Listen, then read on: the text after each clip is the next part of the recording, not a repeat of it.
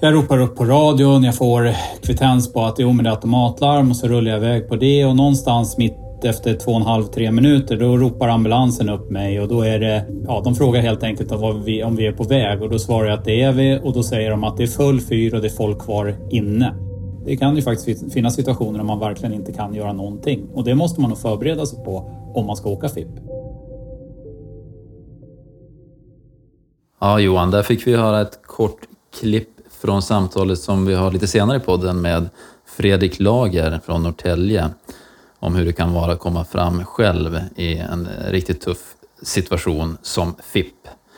Men eh, vi kanske ska börja med att reda ut vad FIP är för någonting. Vad, vad, vad betyder FIP? Vad är det för någonting? Ja, den frågan är nog inte riktigt lätt att svara på. FIP kan vara väldigt mycket, men, men förkortningen i sig står ju för första insatsperson. Och det vi menar är ju när det är en enskild person från räddningstjänsten som kommer fram först helt enkelt utan att själva huvudstyrkan, alltså resterande personal, är på plats. Just det. Och, och för de lyssnarna som inte är helt insatta i hur vi jobbar och hur vi har jobbat historiskt så kan man säga att innan FIP eh, kom så kan man säga att i stora dagar så kom vi med stora eh, lastbilar, brandbilar då, och allt manskap på samma gång. Men sen börjar man väl i vad ska vi säga, början på 2000-talet, 2003 ringer någon klocka för mig och, och testa med att splittra styrkan så att säga geografiskt. Ja men precis, det var ju Jönköpingstrakten där som man införde det på prov. Och sen har det naturligtvis funnits längre tillbaka än så. Det har ju länge åkt befäl i egna bilar, alltså heltidsanställda oftast då, och kommit fram först. Men just det här begreppet FIP, eh, det var ju någonting nytt. Mm. Och eh, då är det ju som så då, som du säger, att det är ju antingen ett befäl eller en brandman som åker, eh, oftast direkt från hemmet får vi säga då, i det här sammanhanget. Ja, det är ju det är ofta så man har en lite, liten bil med begränsad utrustning och eh, tanken är ju att man ska kunna komma fram så fort som möjligt för att eh, rapportera bakåt, göra någon form av omedelbar åtgärd någonting för att kanske bryta det här negativa skadeförloppet. Precis, och där är ju ett, ett, ett av många resonemang kring FIP eh, bygger ju på just det som du säger, att komma fram tidigt. Om vi eh, differentierar våra utgångspunkter, alltså ser, ser till att vi utgår från olika platser, så ökar ju sannolikheten att vi kommer fram snabbt och att vi snabbt kan av, avhjälpa skadeförloppet. Eh, pratar man om bränder så säger man att alla bränder är ju små från början. Så då kan vi med små medel eh, avbryta det här, vilket är, är vårt uppdrag i, i grunden, att eh, avbryta och minimera skador eh, för olyckor. Så det är väl eh, utgångspunkten får man säga. Precis, och det, det, det, finns ju en sån där, man skulle kunna ta ett exempel på, på fördelen med att komma snabbt fram. Va? Det, låt säga att vi har ett barn i en studsmatta som har cykelhjälmen på sig fortfarande. Man har glömt att ta av sig den. Och eh, den här på något vis fastnar och håller på att stryps av cykelhjälmen. Och vill man då helst att, som förälder, att det kommer fram en person snabbt och lyckas rädda det här barnet? Eller vill man hellre att det ska komma fem personer, men lite senare i en stor brandbil när det här barnet har avlidit? Ja, tufft exempel med bara ett svar. Det finns bara ett svar. Men eh, då är det väl självklart då? Då borde du väl alltid åka FIP? Ja, det är nog inte lika självklart utan det beror nog helt på vilka förutsättningar man har och, och, och hur det ser ut där man verkar. Mm. Ja, det båda inför intressanta avsnitt och diskussioner här. Verkligen. Vi kör. Nu kör vi. Varmt välkomna till RIB Podcast. En podd för räddningstjänst och av räddningstjänst med Marcus Wallén och Johan Szymanski. Okej Johan, nu ska vi börja bena i det här. Då. Vi har ju båda åkt FIP, du och jag. Ehm, vi har gjort en hel del research får man säga inför det här avsnittet, de här avsnitten. Vi har eh, gått ut och frågat kollegor i olika forum. Vi har läst eh, utvärderingar vi har läst riskanalyser, vi har varit i kontakt med MSBs olycksutredare. Ja, så vi har ganska mycket att ta på, skulle jag vilja säga. Det finns mycket att diskutera, vilket jag ser fram emot. Det ska bli kul, men, men hur ska vi få lite ordning och reda på det här, tänker du? Ja, vi, vi, vi gör som vi brukar tänker jag. Vi, vi försöker att dela upp det här ungefär som vi sektordelar, sektorindelar en insats. Och har det i, i tre delar då, kan man säga. Vi har tredje man, alltså den som vi är till för. Att vi ser det där som en del. Vi har organisationen, alltså räddningstjänsten. Och individen, alltså den person som, som utgör själva FIP-funktionen och har rollen som FIP. Mm. Ja men precis, så där, vi har ju varit inne lite på tredje man där, om man vill ha snabb hjälp eller, fler senare. Organisationen, eh, det handlar om fordon, det handlar om utbildning, det handlar om kostnader också.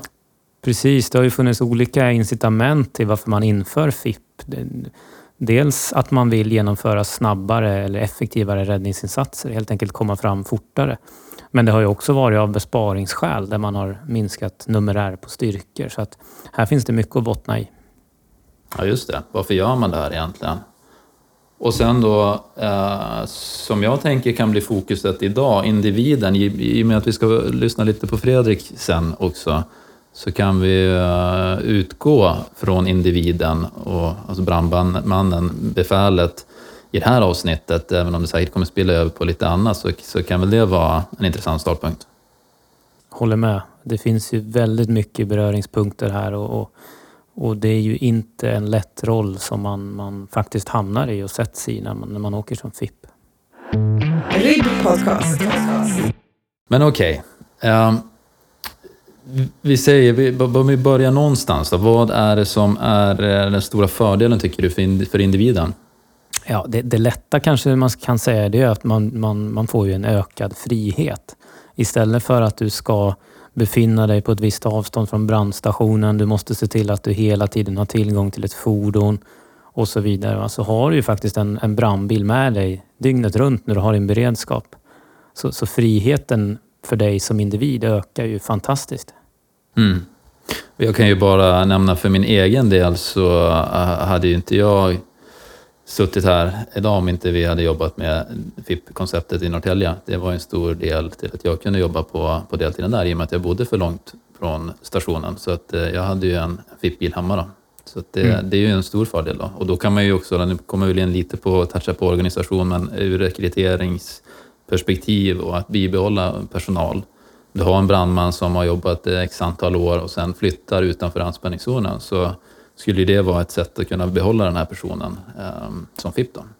Mm. Och, och, oftast så är det kanske så också att när man har beredskap som ribbare så, så, behöver man ytterligare ett fordon för att kunna upprätthålla den beredskapen, för att kunna ta sig till stationen inom rimlig tid. Och familjen ska fortfarande ha tillgång till en bil. Och det kommer man ju också ifrån genom den här lösningen. Mm. Man kan tänka sig att det kanske går att skjutsa på fotbollsträningen eh, som inte gick tidigare för att det var för långt bort. Mm. Även om eh, dottern eller sonen kan tänkas behöva gå från vägrännen om, om det vill sig illa. Då, men... Så är det förstås. Och sen kommer naturligtvis också ett ökat ansvar på den som, som kör de här fordonen förstås. För att det, man är ju synlig, man, man, man, man är ja, påpassad av många. Och man, man, gör man misstag och sådär så, så kommer det naturligtvis komma fram. Så det är inte som att åka runt i en privatbil på den lokala orten. Nej men så är det ju. Det blir ju en representant för räddningstjänsten eh, och därmed för samhället och, och kommunen eh, så fort du är ute och rör på dig. Och, eh, sen vet jag ju att det finns olika riktlinjer inom stort sett alla räddningstjänster kring hur, hur man rör sig och, hur man är klädd. Mm. Ska man ha uniform på sig eller inte? Kan man åka i, i civila kläder i ett utryckningsfordon? Det finns ju inget som hindrar det såklart, men, men det skapar ju också problematik du, säger att du kör in i en olycka då, och sen så är det, kommer du med ett, ett utryckningsfordon och civila kläder. Um, ja, kanske blir konstigt eller, eller tvärtom att du, att du går med uniform på dig på ICA. Uh, kan ju bli intressanta situationer av det också. Mm. Ja, det, det är svårt. Det finns både för och nackdelar som sagt med det här. Ja, precis. Och jag tänker också för, för individen då, om, om vi tänker en brandman då som åker som första insatsperson så är det ju eh, det är ett ökat ansvar i, mm. i rollen. Eh, ganska kraftigt sådant, skulle jag vilja påstå. Eh, vilket man kan se både som, som positivt och negativt beroende på vad man, ja, men hur, hur man är, hur man är som individ helt enkelt. Mm. Ja, alltså när man... Att, att, vara brandman är ju många gånger ett, ett lagarbete. Alltså du, du kanske tycker om och har hållit på med lagidrott tidigare och, och fortsätter med det som en del av brandkåren. Då. Men, men här hamnar du verkligen själv och du kan inte längre liksom ta hjälp av dina kollegor på samma sätt förrän de har kommit på plats. Så man, man går ju ifrån det här laget och det, det blir en väldig fokus på, på jaget i det här fallet. Att det, det, är du som måste lyckas, det är du som måste vidta åtgärder och det är du som måste vara lugn. För det, det finns ingen annan där som, som kan hjälpa till.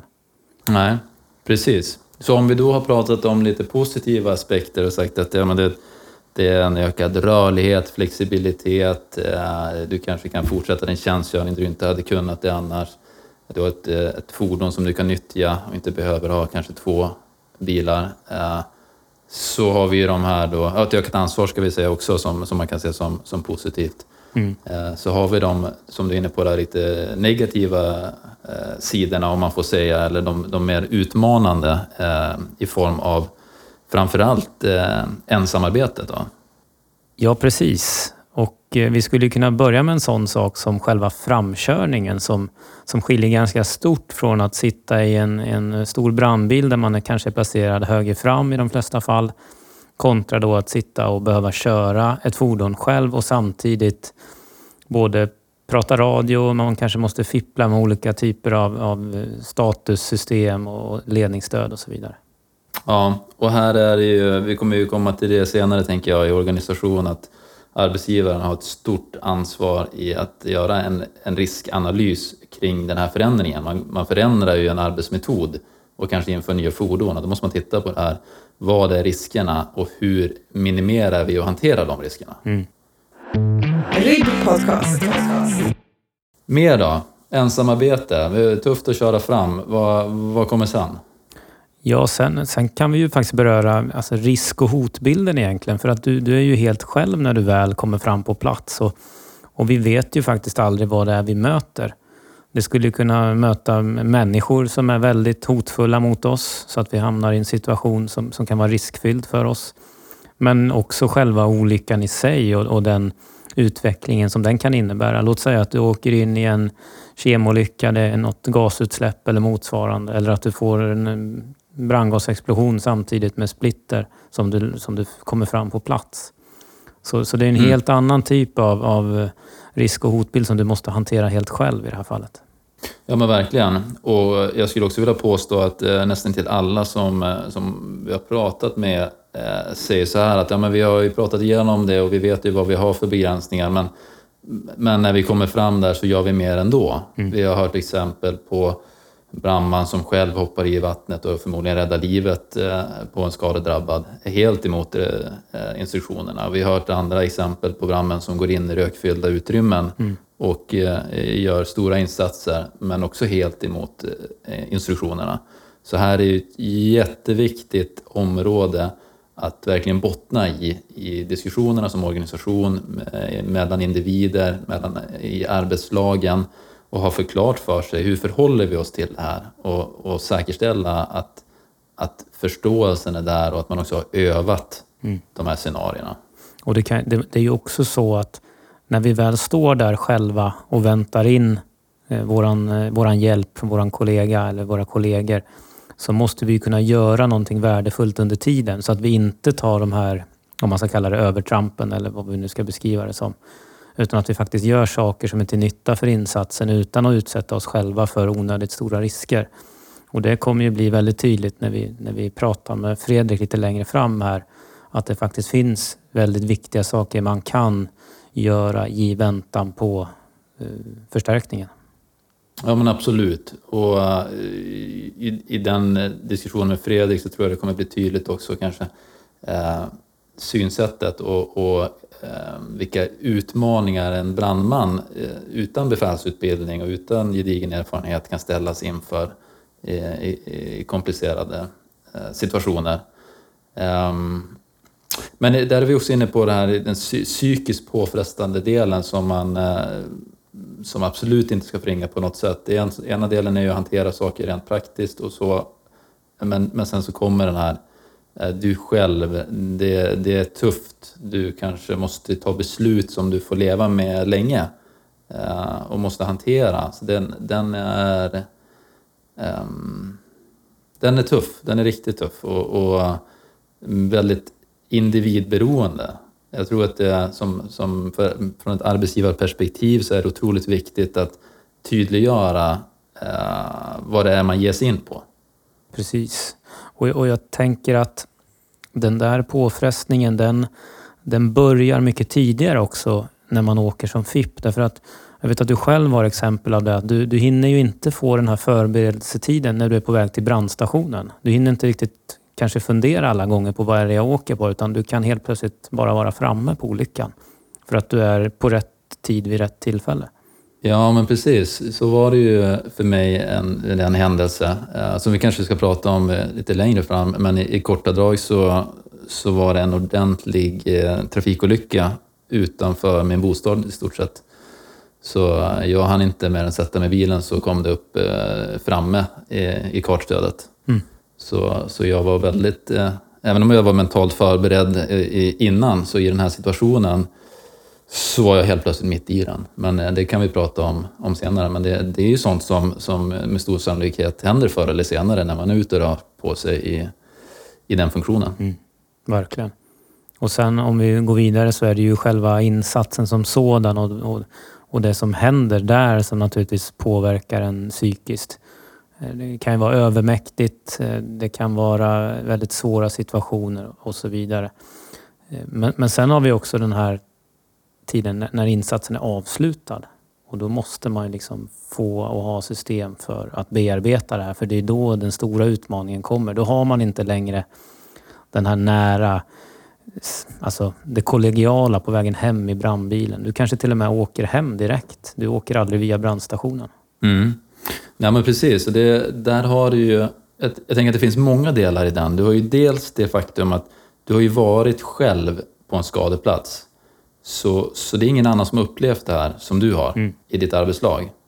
Och, och det i sig är bara en del att, att uh, ta hänsyn till. Men sen också som du säger att du, du kör från skadeplats uh, själv och kanske hem. Eh, så, istället för till stationen. Och om du kör till stationen så har du, har du fortfarande tappat en del av debriefingen som sker i släckbilen.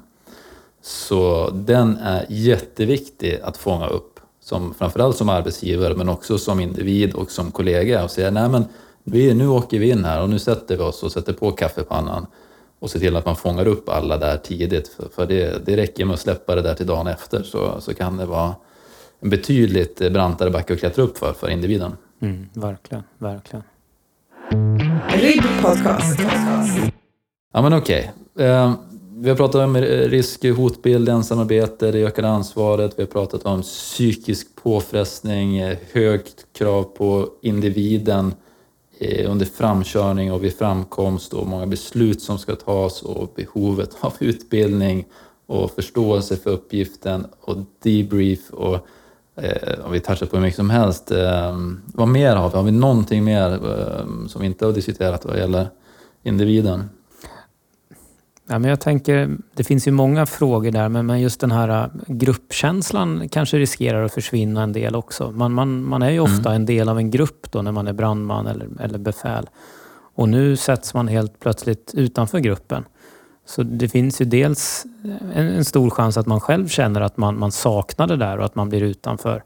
Men det kan ju också finnas en risk att det faktiskt blir lite alltså konflikter eller i alla fall svårare att hantera gruppdynamiken när man, när man själv åker i en bil och sen har man resterande del av sitt arbetslag som åker någon annanstans jämt och ständigt. Mm. Och det, den kan vi ju eh, tydliggöra att det har ju varit återkommande i dels farhågor men också i utvärderingar att det här inträffar. Det blir någonting annat. Eh, och sen så, jag ska inte säga att det, det ena är bättre än det andra, men det är, det är annorlunda och det bör man beakta.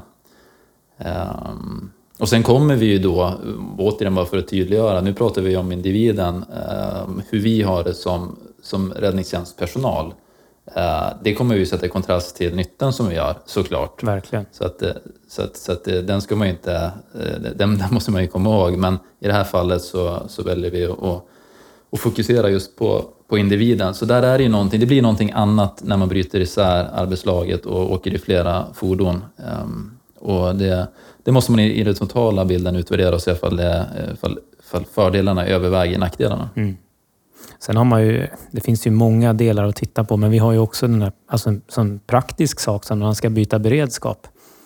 Är jag med i själva gruppen där så är det bara att ringa till någon annan och säga kan du ta beredskapen åt mig i en timme för jag måste göra det här eller det här. Men nu helt plötsligt så måste du faktiskt åka iväg med bilen och någon annan måste ta över bilen för att du ska kunna byta. Så det, det kommer ju andra typer av utmaningar som man inte kanske ser i det normala. Nej men precis, och det där känner man ju igen då från olika eh, roller i arbetsgruppen. Är du befäl så minskas ju eh, möjligheten att byta, är du chaufför så minskas möjligheten att byta. Och här så är det ytterligare en dimension då. Och har man dessutom riktlinjer som säger att eh, du ska ha uniform på dig, stationskläder, och då ska du byta om. Det kan tyckas vara en liten sak, men du ska byta om, hoppa in i bilen, åka iväg till någon, eh, ta, dig, ta dig hem då hur du nu ska lösa det och byta om till civila kläder och ta bussen. Eller det, det, kan tänkas att det blir ganska mycket logistik kring det där som, som i slutändan gör att vi kanske riskerar personal som säger att det, här är, det här är inte värt det. Jag trodde att det, att det var mycket lättare men det här det kostar för mycket för familjen. Och så slutar personal och helt plötsligt har vi sett samhället, satt samhället i en sämre situation för att vi skapade en lösning som, som inte var hållbar för individen. Så det finns ju också ett samhällsperspektiv i att fokusera på att det ska vara hållbart för, för brandmännen eller befälet. Mm. Men du, jag tänker så här. Nu har, vi, nu har vi diskuterat lite olika vinklar på det här eh, och, och framförallt kopplat till den, den psykiska påfrestningen. Jag, jag föreslår att vi, vi tar in Fredrik nu. Vi lyssnar på hans berättelse eh, som verkligen handlar om att komma först och vara själv. Absolut. RIB Podcast, en podd för räddningstjänst och av räddningstjänst. Ja, Marcus, jag var uppe på Räddningsskolan i Sandö och där diskuterade vi FIP bland annat. Och eh, en av lärarna tillsammans med mig var Fredrik Lager som vi har bjudit in till studion. Välkommen Fredrik! Tack så mycket Johan och Marcus. Kul att få, få en inbjudan. Verkligen roligt att ha dig här och du är ju faktiskt tidigare styrelsemedlem i IRB dessutom så du har ju god insyn i föreningen. Ja, det blev några år i, i styrelsen i alla fall och jag tycker ni gör ett fantastiskt bra jobb. Kul att höra. Jag måste ju flika in här också att hade det inte varit för Fredrik så hade inte jag suttit där vi, där vi sitter idag. Det, han är en stor del till eh, att jag fick det utrymmet som jag fick inom räddningstjänsten Norrtälje kommun. Så tack för det Fredrik. Ja, det var så lite som Marcus. Jag tycker du har gjort det med den äran. Ja, det är strålande. Men du Fredrik, eh, om vi skulle presentera dig kort för lystrarna, eller om du skulle göra det, vad skulle du säga då? Då skulle jag säga att jag är en snart 50-årigt yttre befäl eh, från Norrtälje som har eh, eh, precis eh, fått en guldklocka för 25 år i tjänst. Ehm, Grattis! Familj, ja tack. Eh, familj, två barn, fru. Ehm, bor i Norrtälje och eh, har precis hittat en ny fritidssysselsättning som heter golf. Oj. Det är väl jag. Härligt. Då har du fritiden säkrad för dig då? Ja, jag trodde ju inte det, men så är det ju faktiskt.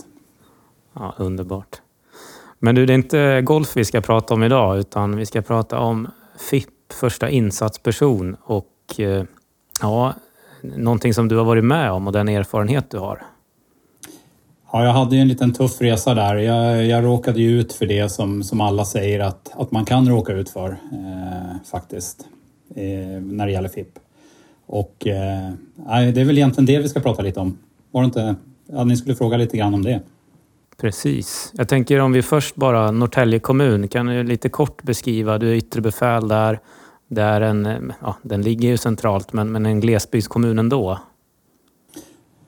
Ja, precis. Eh, Norrtälje kommun är ju en, en tredjedel av Stockholms läns yta i norra delarna av Stockholms län. Eh, vi är eh, fyra deltidsstationer, en heltidsstation. Vi har ett yttre befäl. Eh, ja, det är väl vi ungefär 24 man i, i tjänst dygnet runt eh, plus befäl. Och eh, den här dagen då som, som den här händelsen inträffade, Eh, vad började den med skulle man kunna säga? Det, det är ett annat larm vad som kommer föranleda att, att det blir så här, så som den situation du hamnar i. Ja, det kom ju ett larm på natten där, där man larmar ut eh, våran eh, heltidsstyrka på en, eh, ja, en misstänkt drunkning ute på en sjö här bredvid. Och eh, medan de är borta så kommer det in ett automatlarm till oss eh, som jag då kliver upp och får åka på själv helt enkelt för att styrkan är borta. Och styrkan har nog inte varit borta mer än kanske 15-20 minuter när larmet kommer in så man har inte hunnit täcka upp Norrtäljen heller. För normalt sett så har vi ju en, en rutin att det är, är första styrkan borta mer än en timme eller beräknas vara borta mer än en timme så täcker man ju upp med en, en utav våra deltidsstyrkor. Eh, men det hade man inte hunnit gjort än i det här fallet. Så det egentligen är det en relativt ovanlig situation som det hamnar i redan där, att du ska åka på automatlarm som yttre befäl? Ja, det blir ju så och, och ofta så är det ju så när automatlarm, det vet ju alla som jobbar i branschen, att det är ju oftast ingenting. Alltså det är väldigt få automatlarm som är någonting så att jag var ju inte riktigt på banan och trodde att det skulle brinna den här gången. Men, um, men det gjorde det, det visade sig att det gjorde det. Så när du, när du åker iväg här då, då har du huvudstyrkan upplåst och sen så, eh, ja du har ju då eh, nästa styrka inte på rull då än som du sa, utan, men du vet att de, de finns ju där i i bakhasorna om du behöver dem. Ja, precis. Man drar ju rimmo då när jag åker ner och jag sätter mig i bilen och det är ju så. Det är ju väldigt kort framkörning till det här objektet som vi åker på. Det är kanske tre, fyra minuter bort. Jag ropar upp på radion, jag får kvittens på att det är automatlarm och så rullar jag iväg på det och någonstans mitt efter två och en halv, tre minuter då ropar ambulansen upp mig och då är det Eh, Eh, ja, de frågar helt enkelt om vi, om vi är på väg och då svarar jag att det är vi och då säger de att det är full fyr och det är full, folk kvar inne. Så det fick jag innan jag kom fram till platsen faktiskt. Och det var, det var ju faktiskt på något sätt skönt att, att jag visste det när jag landade. Så, så det, läget nu det är alltså att du har fått larmet, din, din ordinarie styrka är på ett annat larm och eh, närmsta station är dragen då. Nu har du fått reda på att det brinner och du kommer vara först. Ja, och närmsta station är 20 minuter bort då kan man säga ungefär. Eh, ganska precis. 18-20 minuter har vi till nästa station ska vara på plats. Så det visste jag. De förutsättningarna hade jag när, när jag kom ner och, och kom fram till objektet. Hur såg det ut när du kom till platsen då?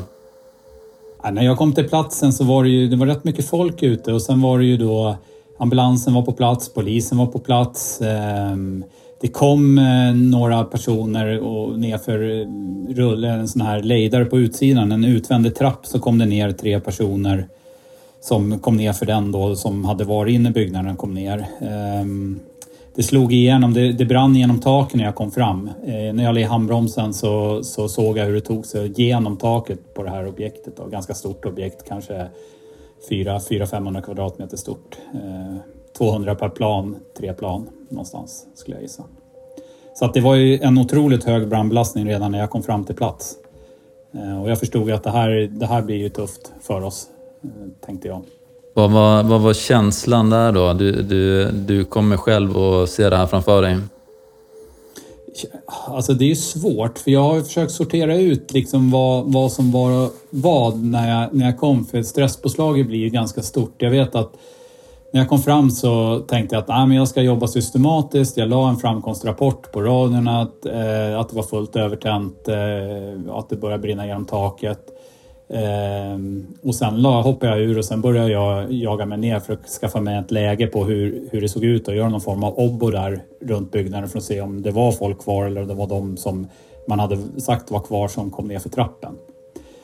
Men det fick jag ju ganska snart att det var tre kvar då, där inne. Eh, det hade varit totalt sju och det var tre kvar. Fyra hade, ju, hade de lyckats få ut då, de som var där. De hade ju spontanutrymt och kom ut själva. Eh, så att jag gör ju min, min första obbo runt. Jag springer in i huset och tänker att äh, men jag, jag kan nog ta mig upp för trappen och se, men jag kom ju bara upp för halva första trappen. Sen var det ju tvärtjockt och full, full brand. Så att jag kom inte upp där heller och då tänkte jag att nej, men jag jag backar tillbaks till bilen och så försökte jag få någon form av struktur på, på insatsen där. För att, och det var ju mer att hjälpa mig själv att ha någonting att göra under den tiden som, som eh, jag väntade in styrkan. Då. Så att jag, jag började rita upp lite grann på hur byggnaden såg ut. Jag tog kontakt med, med folk eh, runt omkring då som, som, var på, ja, som kände till den här byggnaden. Sen så eh, vet jag att jag rotade där efter tuschpennorna i, i, i lådan bak i bilen där de alltid ska ligga. Jag såg dem inte först så att man kan ju tänka, jag, jag vet ju hur stressad jag var så här så att jag fick ju ta några djupa andetag där. Eh, då hör jag Rimbo kvitteras ut och då lägger jag en förberedande order till Rimbo att de ska vara klädda rökdykare när de kommer fram. Jag försöker få tag på Elmsta så att eh, vi får ut en styrka till. Eh, och det, där blir det också något mischmasch sen i slutändan att de fick inte larmet direkt. Det blev någon, någon fördröjning där, teknisk fördröjning så att eh, det tog lite tid innan de kom så det var lite frustrerande det också. Du, du säger att du, du skapade struktur för dig själv där och det är fantastiskt att man kan göra det i den situationen. Men jag tänker de människor som, som stod där och, och ser brandkåren liksom som den, den hjälp som, som kommer fram. Hur, hur var de mot dig att du stod där och inte kunde göra något?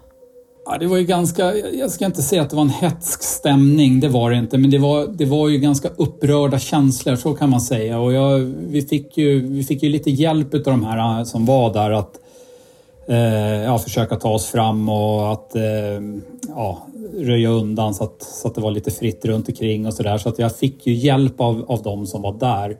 Sen fick jag ju hjälp av polis och ambulans som var på plats eh, ganska mycket. Eh, där, där vi knackade ruta och försökte ta, ja, se om vi kunde se någonting då på de våningarna som vi nådde upp med, med stege som fanns.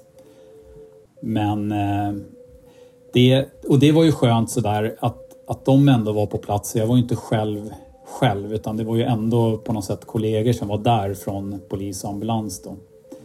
Eh, så att det var väl egentligen det som jag tyckte var, alltså de här 20 minuterna, man kan ju tycka att det skulle ta en, att det skulle vara en oändligt lång tid, men jag tyckte ju att det gick ganska fort de här 20 minuterna. Eh, jag tyckte inte att jag hade tid över jag ritade upp byggnaden, jag fick intervjua de som var där, stod runt omkring som kände till objektet. Jag kunde lägga förberedande order som jag sa till, till Rimbo. Eh, jag kunde se, liksom konstatera var vi skulle göra angrepp någonstans. Jag visste exakt var vi skulle sätta in eh, första styrkan när de kom. Ehm, ja, flytta undan bilar. Eh, ja, egentligen. Så att jag tyckte att jag hade fullt upp hela tiden faktiskt på något sätt. Det tror jag är räddningen också, om man hamnar så där att man faktiskt kan göra någonting. För att stå och titta, det, den blir ju inte så rolig om man bara ställer sig och inte har någonting att göra och bara kan titta. Men det kan ju faktiskt hända det också, tänker jag. Det kan ju faktiskt finnas situationer där man verkligen inte kan göra någonting och det måste man nog förbereda sig på om man ska åka FIP. Ja men verkligen. Du målar upp en bild här där jag tycker att du har en otrolig sinnesnärvaro och skapar den här strukturen och som du är inne på. Och och se till att du gör verkligen vad du kan. Men det, det är nog också lätt hänt att, att det låser sig. Um, och som du också är inne på här, förberedelserna är ju A och O. Um, är det några Eh, råd där kring förberedelser och jag tänker också hantering efter en sån här händelse? Vad, vad skulle du säga där? Nej, men jag, jag tänker så här, jag, det, det, finns ju vissa saker som, som jag tror blev rätt. Ofta när det blir fel så är det en, en lång rad av små händelser som leder till någonting som går tokigt. Liksom. Ofta så, det vet ju alla som håller på med sport, att kommer man in fel i ett byte så blir det tokigt. Liksom. Och här, här kommer man rätt. För jag, jag hade tur som hade övat Rakel på dagen. Jag hade suttit och knäppat in Rakel. Jag, jag kan inte ens komma ihåg hur jag kom in på rätt raps. Eh, jag, jag, fick tag på ambulansen eller ambulansen fick tag på mig. Jag fick förbereda mig liksom de där två minuterna som var kvar. Jag fick ändå en, liksom en, en, eh, någon form av föraning. Det var jättebra blåljusfolk på plats som, som stärkte upp och, och liksom, eh, tog ner. Alltså vi var ju, man, jag tror att skillnaden är när man är helt själv, då får man inte den här hjälpen som gör att, att man på något sätt landar ner lite grann. Och sen ska man ha tur. Alltså, det är ju så, man ska hitta lite, lite tur i, i det hela. Eh, och sen tror jag faktiskt att i, i det här fallet så tror jag att erfarenheten från 15 år gör sitt. Att man har åkt på ett antal larm, man har varit i olika situationer, man vet ungefär vad som förväntas. Det gör att man att man på något sätt eh, ändå har, man, man, jobbar ungefär på samma sätt på alla larm, eller jag gör och jag försöker göra det. Så att det gör att man, man tryggar sig i det. Men, men sen tror jag också att det finns vissa saker som jag tycker att man ska vara noga med som organisation och det är ju som arbetsgivare då. Det är ju att ta hand om de här eh, som, som hamnar i de här situationerna. För jag tyckte att jag hade en tuff period efteråt. Jag hade en jättetuff period efteråt. Där jag tyckte att ja, men har jag gjort rätt? Har jag tagit rätt beslut? Har jag tagit fel beslut? Vad har, jag, vad har, liksom, har det gått bra? Har det gått dåligt? Eh, ja, tre personer har dött. Hade jag kunnat förhindra det? Och, så, och de här grejerna måste man ju igenom någonstans på något sätt. Eh, det är ju ingenting, eh, det är ju någon form av självläkningsprocess liksom där att Eh, oavsett om man tar rätt eller fel beslut så får man ju ändå stå där med de beslut man har tagit på något sätt eh, och landa ner dem. Och så tror jag att livet är i övrigt också, så att det, det är nog ingen skillnad riktigt på det. Men jag tror att man som organisation måste ha en viss förståelse för det här och att man måste ha högt i tak och kunna prata om, om de här bitarna som är emotionella. Det är inte bara att äh, men det är inga problem, det är bara att bita ihop och åka på nästa larm. Jag vet att jag fick ett larm passet efter en vanlig villabrand och jag var så nöjd. För jag kände att det här hanterar man liksom. Det, det är svårt att hantera någonting som är inte är greppbart. Mm. Ja, men strålande Fredrik. Eh, förhoppningsvis tänker jag att det här är en berättelse av många på temat FIP. Eh, och det har verkligen varit en, en, en färgrik eh, bild som du målar upp här av en riktigt tuff situation. Så Johan, om inte du har någon kompletterande fråga där så kanske vi tackar Fredrik så mycket för berättelsen. Verkligen. Stort tack. Tack Fredrik. Tack själva. Tack själva. Ja, Johan man är inte avundsjuk på den situationen som Fredrik hamnade i där. Riktigt eh, Verkligen tufft. inte. Ja, ja, ja, en reflektion som man kan göra är ju att han ändå hade fördelen eller förmågan att, att eh, kunna utföra arbete under tiden som han fick vänta på, på de förstärkande enheterna. Och det handlade ju om ledningsarbete. Han, han kunde förbereda styrkorna, han kunde rita upp det här i riskbedömning och så vidare. Och, och, då hamnar vi ju i en, i alla fall jag då, en, en fundering kring att som befäl åka FIP kontra att åka FIP som brandman. Mm. Ja men verkligen. Och dessutom så utgår han från en heltidsstation och har en, eh, en förförståelse för att hans styrka har åkt iväg och, och den situationen han befinner sig i. Så, så från det perspektivet så är det troligtvis lättare för, för Fredrik i den situationen än det hade varit, som du sa, en, en brandman som åker från, från hemmet och hamnar i en situation där han inte kan agera i sin ordinarie roll till någon större utsträckning.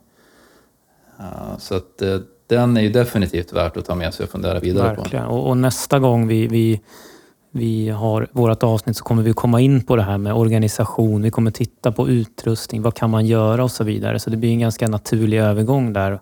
Vi kommer kanske hitta några exempel från landet också. Eh, så att, så att det finns ju många delar att, att eh, borra oss vidare i. Ja men verkligen.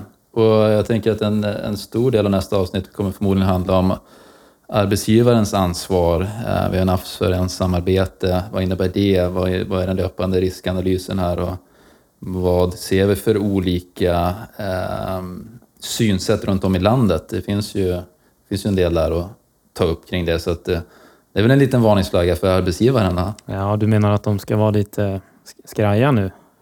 Nej, inte skraja, men de, de har väl gjort sin hemläxa, tänker jag.